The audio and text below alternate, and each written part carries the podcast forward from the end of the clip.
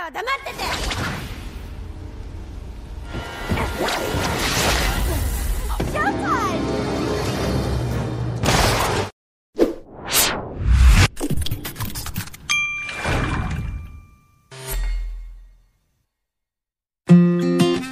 Halo Jeruk Lovers, apa kabar hari ini? Semoga tetap sehat ya. Kemarin kita sudah membahas Ansatsu Kyoshitsu Live Action 2015. Nah, sekarang ini adalah lanjutannya, tepatnya sequelnya yang hadir di tahun 2016. Alur cerita kali ini masih menceritakan tentang Koro Sensei, guru yang berbentuk gurita dengan kemampuan super dan kecerdasan yang luar biasa yang sekaligus juga menjadi target pembunuhan dari murid-muridnya. Oke, siapkan posisi ternyaman kalian dan ini dia Ansatsu Kyoshitsu Live Action 2016. Selamat menikmati.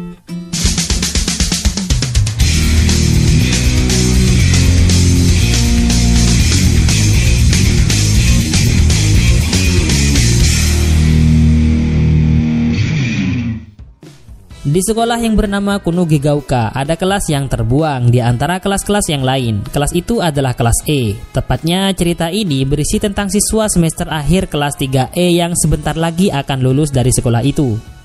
Ini adalah guru kelas mereka, seorang makhluk aneh dengan kecepatan super. Dia adalah Koro Sensei. Setiap hari hampir selama masa-masa kelas 3E ini dijalani dengan belajar dan juga dengan senjata yang digunakan untuk membunuh Koro Sensei. Oleh karena itu, di kelas ini juga diajari cara menjadi pembunuh profesional. Karena itu juga didatangkan wanita pembunuh bayaran untuk mendampingi mereka membunuh Koro Sensei. Dia adalah Irina Jelavic yang sekaligus menjadi guru bahasa Inggris mereka. Dia biasa dipanggil dengan sebutan Beat Sensei.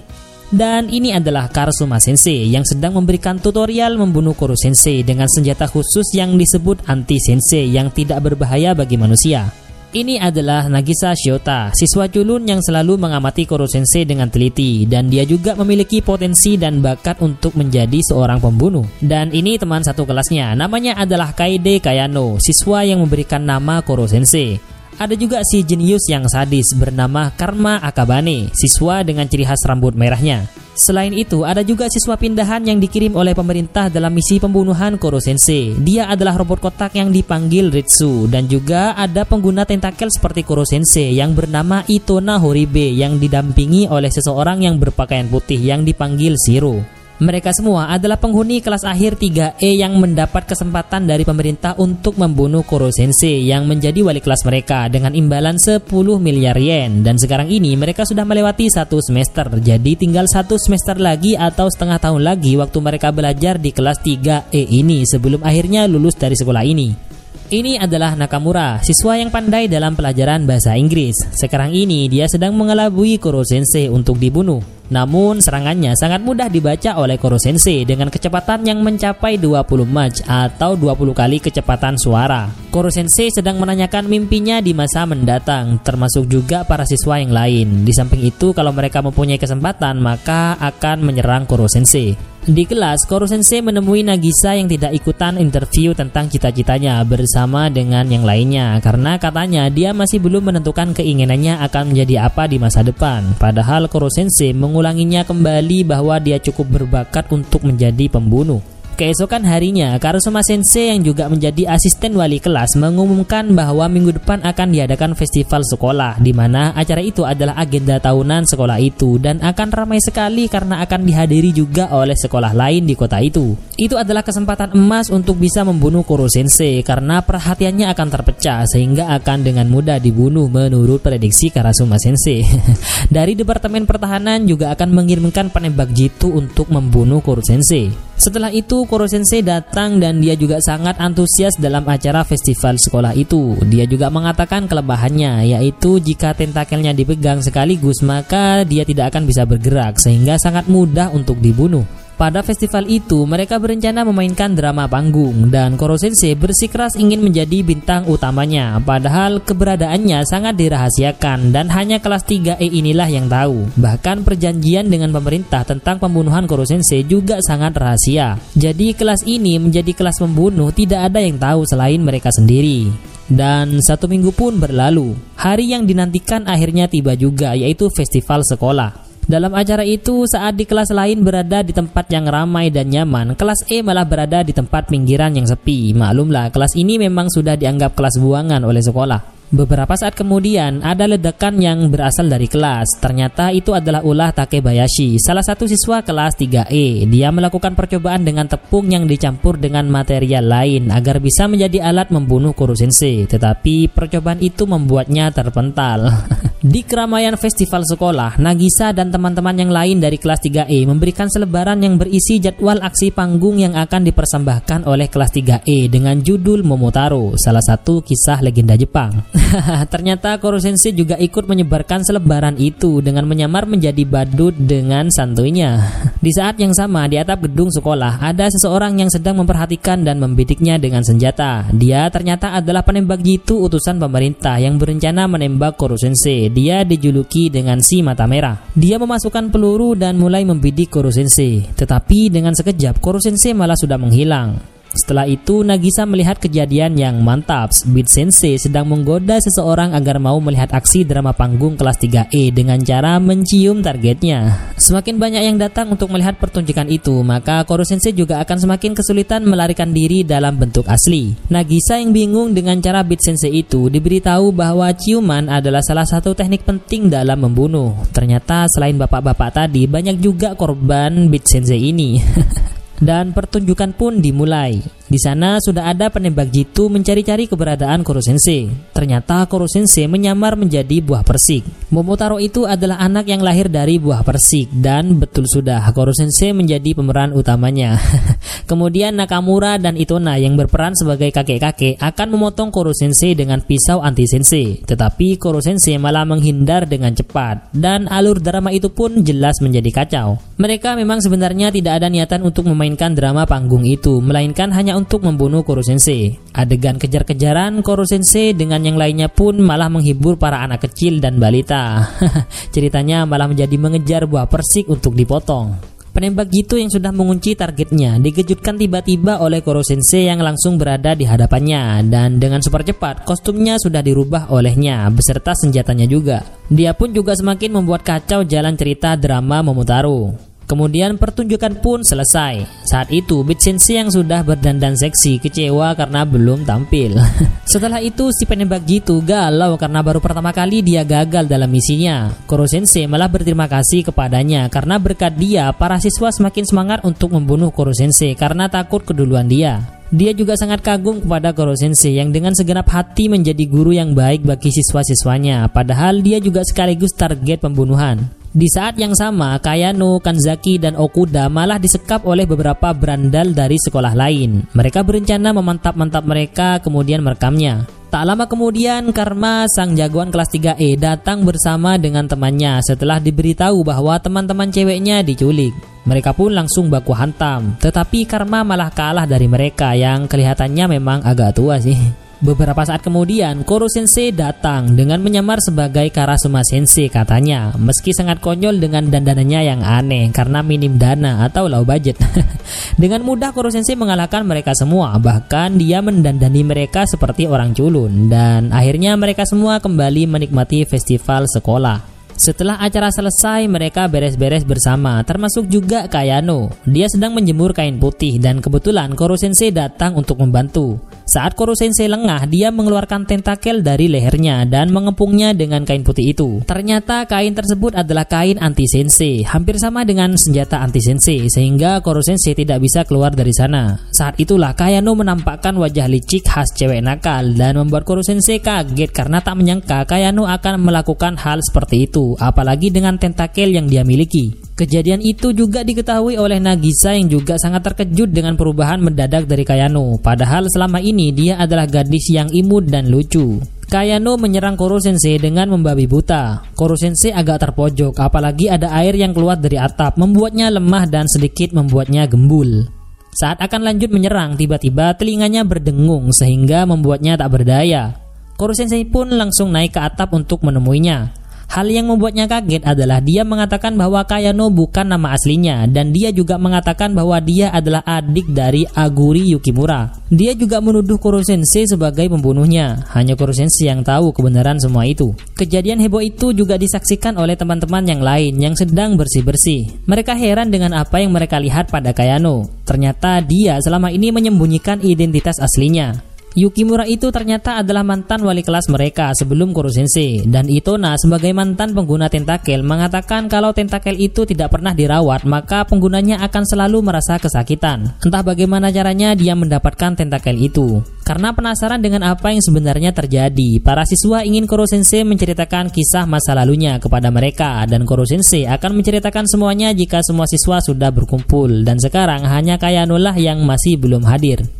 Di bawah sinar rembulan yang hanya tinggal seperempat, Kayano mengingat-ingat kembali kejadian di masa lalu yang membuatnya menjadi seperti sekarang. Dendamnya yang sangat kuat kepada Koro Sensei berawal ketika dia menemukan kakaknya yaitu Aguri Yukimura mati dan kebetulan di sana ada makhluk seperti gurita yang tak lain adalah Koro Sensei yang langsung menghilang setelahnya. Saat itu dia menemukan serum tentakel dalam sebuah koper. Meskipun dia tahu akan risikonya, tetapi dia tetap menyuntikannya agar tentakel tertransplantasi ke lehernya dan mendapatkan kekuatan untuk membunuh Koro Sensei. Setelah itu dia masuk ke kelas 3E, sekolah menengah kuno Gigauka, tempat di mana Koro Sensei menjadi wali kelasnya. Itulah yang ada dalam pikiran Kayano saat ini. Keesokan harinya dia sudah berada di sekolah untuk berduel dengan Koro Sensei. Disaksikan juga oleh siswa yang lain yang prihatin dengan Kayano, di mana selama ini mereka dikelabui olehnya, termasuk yang paling dekat dengannya yaitu Nagisa. Dengan tentakel yang mengeluarkan api, dia mulai menyerang Koro Sensei. Kayano sudah seperti iblis yang haus darah, jiwanya yang sekarang hanya fokus untuk membunuh.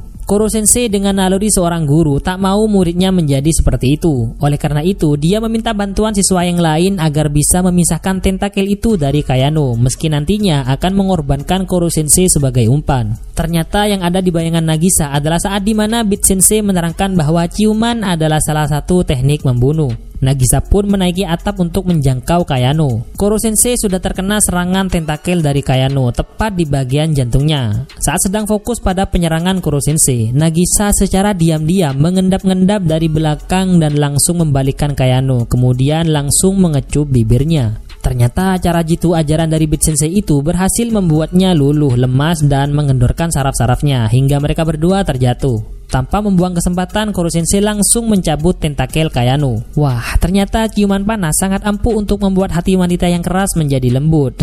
Jadi ciumlah istri Anda, bukan pacar lo ya. ternyata kejadian itu diamati oleh Shiro dan saat Koro Sensei mendekatinya, dia membuka topengnya. Ternyata dia adalah orang yang bernama Yanagisawa. Hanya Koro Sensei yang tahu siapa dia sebenarnya. Dan setelah itu adalah hal yang sangat ditunggu oleh para siswa, yaitu kisah tentang masa lalu Koro Sensei. Koro Sensei mulai menceritakan tentangnya mulai dua tahun lalu. Ternyata dulu dia adalah seorang manusia biasa. Dia adalah seorang pembunuh yang dijuluki dengan nama Shinigami. Karena pembunuhan yang dia lakukan sangat elegan dan jenius. Tidak hanya jenius dan menguasai berbagai keahlian, baik itu akademik maupun non-akademik, tetapi kekuatan fisiknya juga sangat luar biasa. Sudah ribuan orang yang dia bunuh. Dia merupakan pembunuh bayaran paling fenomenal yang pernah ada, bahkan jam terbangnya hingga ke luar negeri. Meskipun begitu, sejak lahir dia tidak pernah memiliki identitas. Dari wajahnya yang kelihatan ramah, orang-orang tidak akan menyangka bahwa dia adalah pembunuh yang kejam dan sadis. Dia mempunyai seorang murid yang kemudian mengkhianatinya, hingga akhirnya dia ditangkap oleh sebuah organisasi penelitian gelap yang terlewat dari pengawasan pemerintah. Memiliki kecerdasan yang luar biasa, tubuh yang kuat, dan juga tidak adanya identitas, membuatnya menjadi kelinci percobaan yang sempurna untuk eksperimen yang disebut dengan antimateri. Tujuan penelitian itu adalah untuk menggabungkan antimateri dalam siklus kehidupan yang akan terus menciptakan energi yang sangat besar selama subjek masih hidup. Jika berhasil, bisa menjadi alternatif sumber minyak dan tenaga nuklir. Dan penelitian itu dipimpin oleh orang yang bernama Kotaro Yanasigawa. Dan yang ditugaskan untuk memantaunya adalah Aguri Yukimura, yang tak lain adalah kakak dari Kayano. Dia inilah yang menjadi wali kelas E sebelum datangnya Koro Sensei. Dia berada di laboratorium itu adalah karena Yanagisawa adalah tunangannya dari hasil perjodohan orang tuanya. Yukimura semakin hari semakin dekat dengannya. Dia selalu menceritakan hal-hal yang terjadi di kelasnya, menceritakan semua tentang murid-muridnya. Sementara penelitian terus berjalan, semakin hari tubuh Koro Sensei sedikit demi sedikit terjadi keanehan dan mulai timbul perubahan. Kalau orang biasa sudah mungkin tidak bisa menahannya. Dengan kecerdasan yang dimiliki, dia berusaha untuk terus bertahan dalam penelitian itu dan dia juga berusaha mengontrol jalannya penelitian itu dengan harapan akan mendapatkan kekuatan penghancur yang sangat hebat. Yanagisawa ini adalah orang yang kejam. Hanya demi berlangsungnya penelitian, dia akan melakukan segala cara, bahkan dengan kejam menjadikan tunangannya sendiri sebagai tumbal. Jika menolak, dia tidak akan segan-segan untuk membunuhnya. Dalam beberapa waktu, jari tangan Koro Sensei mulai memanjang dan mulai lentur seperti tangan gurita. Suatu waktu saat sedang curhat-curhatan, Yukimura menunjukkan baju Natalnya kepada Koro Sensei. Melihat itu, jiwa mesumnya spontan meronta-ronta. Dari hidungnya keluar darah. Yukira pun agak salting melihat reaksi itu.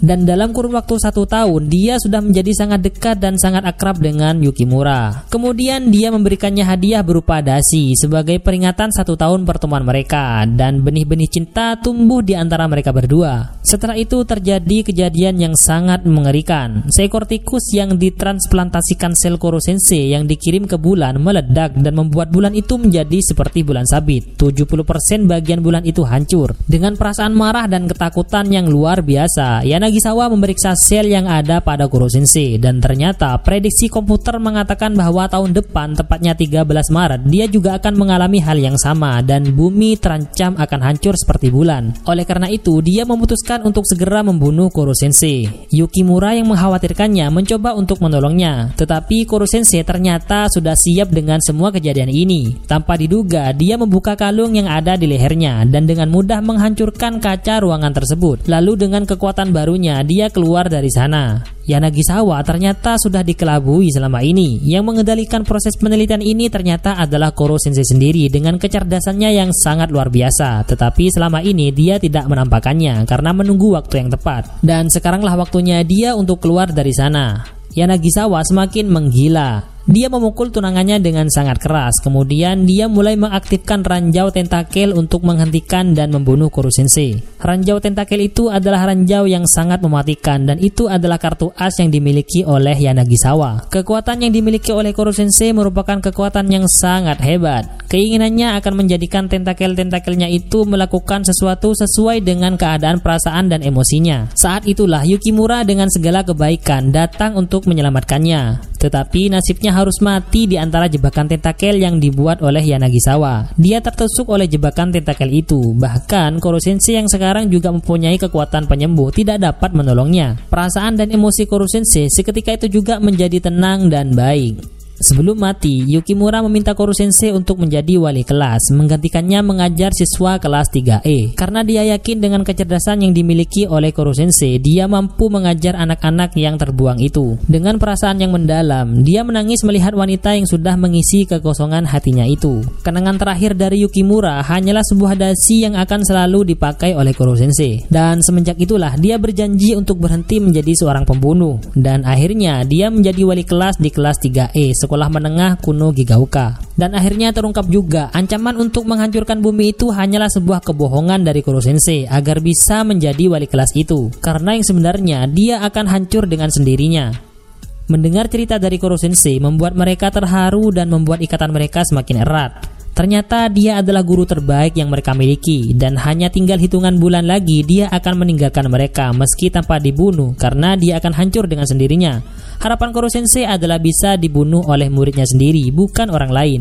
Selama liburan musim dingin, tidak ada satupun dari siswa yang berkeinginan untuk membunuhnya, tidak seperti liburan sebelumnya. Setelah itu, para siswa menjadi dua kubu, antara yang akan tetap melanjutkan pembunuhan terhadap Koro Sensei dan yang ingin berhenti melakukan tindakan pembunuhan, tetapi akan mencari cara untuk menyelamatkannya. Di sisi ini ada Nagisa sebagai ketuanya, dan di sisi satunya ada Karma. Sebenarnya mereka mempunyai tujuan yang sama, yaitu demi guru tercinta mereka. Di satu sisi, setelah mengetahui kisah masa lalu Koro Sensei, mereka berpikir untuk menghentikan pembunuhan agar Koro Sensei bisa terus hidup. Sementara di sisi lain, Koro Sensei memang akan tetap hancur beberapa bulan lagi. Dan keinginan Koro Sensei sendiri daripada hancur seperti itu, dia lebih berharap untuk dibunuh oleh muridnya sendiri. Di tengah-tengah perdebatan itu, Koro Sensei datang berpakaian polisi jahat dan membuat pertarungan antara Nagisa dan Karma dengan menggunakan pisau anti Sensei. Jika salah satu di antara mereka berdua terkena pisau itu, maka dia akan kalah. Hal itu sebagai langkah agar mereka mantap dengan keputusan yang akan mereka lakukan. Dan pertarungan antara Karma dan Nagisa pun berlangsung. Nagisa mulai menyerang Karma. Selanjutnya pertarungan terjadi cukup sengit. Terlihat Karma yang mendominasi pertarungan karena perkelahian memang adalah keahliannya, sementara Nagisa adalah anak culun tanpa pengalaman pertarungan sebelumnya, tetapi dia mempunyai potensi dan semangat yang cukup besar. Pada akhirnya Karma mengalah kepada Nagisa, meski bisa saja dia memenangkannya, tetapi selain karena melihat tekad Nagisa yang kuat, dia juga berpikir untuk menyelamatkan Koro Sensei. Sementara mereka mencari cara untuk menyelamatkan Koro Sensei, mereka menjalani hari-hari di kelas sebagaimana biasanya. Koro Sensei mengabsen para siswa sambil menjadi sasaran tembakan. Setelah itu, Ritsu, sang robot kotak, meretas data luar negeri untuk mencari tahu bagaimana sebenarnya Koro Sensei akan hancur. Ternyata presentasi kehancurannya nanti hanya sekitar satu persen saja. Artinya hanya kemungkinan kecil. Tetapi pemerintah tidak mau mengambil risiko walaupun hanya satu persen. Ramuan untuk menyelamatkan Koro Sensei bisa dibuat dengan syarat harus mempunyai data awal dari makhluk super itu. Kemudian mereka langsung bergerak cepat pergi ke tempat penelitian Yanagisawa yang informasinya diperoleh dari Itona yang memang pernah pernah menjadi percobaannya. Setelah sampai di tempat itu, mereka langsung mengambil data tentang Koro Sensei. Tanpa mereka sadari, Yanagisawa memperhatikan apa yang mereka lakukan di laboratoriumnya. Setelah itu, mereka memberikan data itu kepada Ritsu untuk diproses. Dan kemudian mereka langsung meracik obat untuk Koro Sensei. Siang malam mereka bekerja keras untuk membuat ramuan itu dan tanpa sadar ikatan mereka semakin erat. Meskipun berkali-kali gagal, tetapi pada akhirnya ramuan itu pun berhasil mereka ciptakan. Di Departemen Pertahanan, ternyata misi pembunuhan Korusensei dialihkan kepada komandan yang bernama Hojo yang memang sudah dari pertama bermain di belakang layar. Sekarang dia menampakkan diri. Dia akan menggunakan senjata laser anti makhluk super untuk melenyapkan Korusensei. Dalam area kelas tempat Sensei berada juga diberi pelindung anti makhluk super agar dia tidak bisa kabur ke mana-mana. Sebentar lagi akan tiba hari kelulusan para siswa kelas 3. Koro Sensei mengucapkan kata-kata perpisahan dengan Karasuma Sensei yang tanpa disadari juga mempunyai ikatan emosional antara sesama pengajar. Karasuma hanya memastikan bahwa di area itu hanya ada Koro Sensei seorang diri karena sebentar lagi tempat itu akan ditembak dengan senjata laser. Untuk berjaga-jaga, pemerintah menangkap semua siswa agar tidak menemui Koro Sensei. Mereka semua ditangkap dan dikurung dalam penjara bawah tanah. Hojo selaku komandan juga menyampaikan bahwa selama ini mereka hanyalah umpan agar makhluk super itu tidak pergi ke mana-mana. Padahal menjadi wali kelas mereka memanglah keinginan Koro Sensei. Para siswa itu merasa kecewa dengan Karasuma Sensei yang berada di pihak pemerintah. Padahal semangat mereka lagi membara untuk melangkah maju dan menyelamatkan Koro Sensei. Kemudian mereka mencoba untuk menghubungi Ritsu agar meretas Departemen Pertahanan supaya bisa keluar dari penjara ini. Tetapi di saat seperti ini dia malah tidak bisa diandalkan. Padahal obat untuk Koro Sensei sudah selesai dan hanya tinggal diberikan saja. Saat itulah muncul ide untuk meledakkan tempat itu dengan bubuk tepung yang pernah dilakukan Takebayashi. Di dalam penjara, mereka berpura-pura pingsan dan mengelabui dua penjaga sehingga pada akhirnya mereka semua bisa keluar dari sana.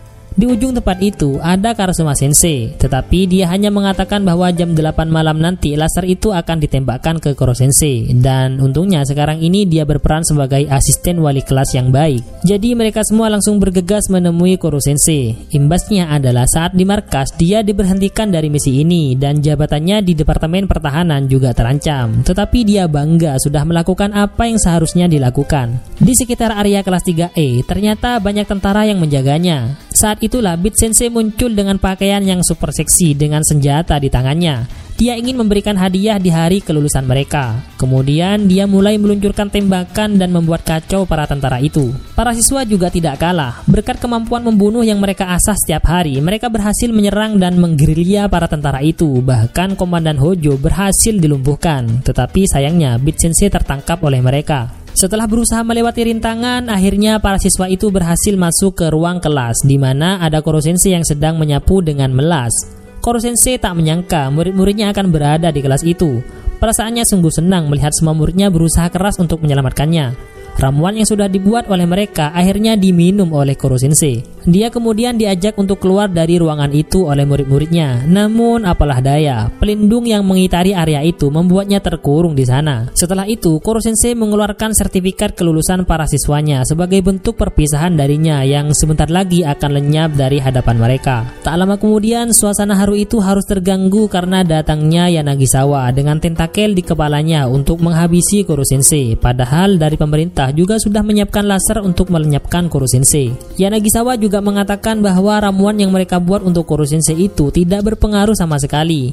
Dia berharap usaha yang dilakukan para siswa itu sia-sia dan membuat mental mereka turun sekaligus menghancurkan Koro Sensei. Tujuannya adalah untuk balas dendam kepada Koro Sensei. Mungkin karena Koro Sensei telah menghancurkan impiannya saat menggagalkan penelitiannya yang seharusnya menciptakan energi nuklir, tapi malah membuat makhluk seperti gurita ini. Kemudian dia menyuntikkan serum tentakel berkali-kali ke lehernya dan dia pun akhirnya menjadi monster yang sangat menakutkan. Kemudian Koro Sensei diserang habis-habisan olehnya. Kekuatannya sungguh luar biasa. Koro Sensei tak berdaya menghadapinya. Di tengah-tengah pertarungan itu, Yanagisawa masih saja berusaha untuk menjatuhkan mental Koro Sensei dan murid-muridnya. Tapi dengan bijaksana, Koro Sensei mengatakan bahwa bukan semata-mata hasil yang menentukan murid-muridnya sukses, tetapi proses menuju hasil tersebut. Dan usaha mereka untuk membantu seorang guru dengan ikhlas adalah kebanggaan bagi Koro Sensei. Lalu dia terus-menerus dihajar oleh Yanagisawa. Tanpa diduga, Kayano maju untuk melindungi Koro Sensei dan langsung ditusuk dengan tentakelnya oleh Yanagisawa. Koro Sensei pun semakin marah kepada Yanagisawa dan meski begitu dia tetap memberikan semangat kepada murid-muridnya agar terus maju untuk melangkah. Saat itulah dia mengeluarkan sesuatu seperti tenaga dalam dalam dirinya dan dengan kekuatan yang sangat kuat itu akhirnya mampu melenyapkan Yanagisawa tanpa sisa sedikit pun. Akhirnya Koro Sensei memenangkan pertarungan itu. Kemudian setelah itu dia berusaha menyembuhkan adik dari wanita yang pernah singgah di hatinya dengan kekuatan yang telah dia latih selama ini agar kejadian yang sama tidak terulang kembali. Dan akhirnya dia berhasil menyembuhkan Kayano, adik dari Yukimura. Di saat-saat terakhir saat Koro Sensei sudah tak berdaya kehilangan banyak energi dalam penyembuhan Kayano, dia menawari murid-muridnya agar segera membunuhnya daripada harus mati oleh laser pemerintah. Para siswa itu kemudian membuat voting tak berfaedah karena mereka sama-sama mengangkat tangan saat ingin membunuh Koro Sensei dan tidak ingin membunuhnya. Itu semua karena mereka merasakan kesedihan yang amat sangat dalam karena mau tidak mau mereka akan ditinggalkan oleh guru tercinta mereka. Dan pada akhirnya mereka pun memegang tentakel Koro Sensei dengan perasaan yang sangat mendalam. Koro Sensei juga sudah sangat pasrah, bahkan bangga telah bersama mereka selama satu tahun ini. Bangga telah menjadi guru mereka, bangga menjadi wali kelas mereka, juga bangga melihat perkembangan mereka, dan yang terakhir bangga akan mati di tangan mereka. Yang akan mengeksekusinya adalah Nagisa sesuai dengan kesepakatan bersama. Dengan pisau anti sensei di tangannya, Nagisa berteriak histeris untuk segera menancapkannya di dada Koro Sensei. Tetapi hal itu ditahan oleh Koro Sensei karena dia tidak mau Nagisa membunuhnya dengan emosi seperti itu. Dia ingin Nagisa membunuhnya dengan senyum dan damai. Dan pada akhirnya perlahan dia menancapkan pisau itu ke dada Koro Sensei. Senyum terakhirnya terlihat sebelum akhirnya dia melebur, diiringi tangis dari para murid-muridnya. Guru yang selama ini mengajari sudah tiada lagi, berpisah dan menjadi butiran-butiran cahaya keemasan dan terbang menjauh. Dia juga menghampiri Bit Sensei untuk mengucapkan salam perpisahan. Pemerintah kebingungan dengan lenyapnya Koro Sensei secara tiba-tiba dan laser yang sudah disiapkan pun harus dihentikan. Di akhir cerita, diperlihatkan Nagisa yang menjadi seorang guru di salah satu kelas yang berisi anak-anak berandal dan nakal. Pada awalnya dia diremehkan karena terlihat culun, tetapi setelah tahu kemampuannya, mereka akhirnya takluk dan mau diajar olehnya. Nagisa ingin menjadi seorang guru seperti Kuro Sensei yang selalu peduli terhadap murid-muridnya dan mengajar dengan ikhlas dan dengan hati yang tenang.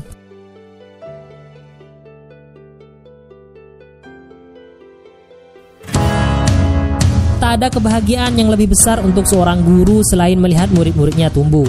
Terima kasih sudah setia bersama kami dan menonton video ini dengan ikhlas. Semoga terhibur dan sampai jumpa di video selanjutnya.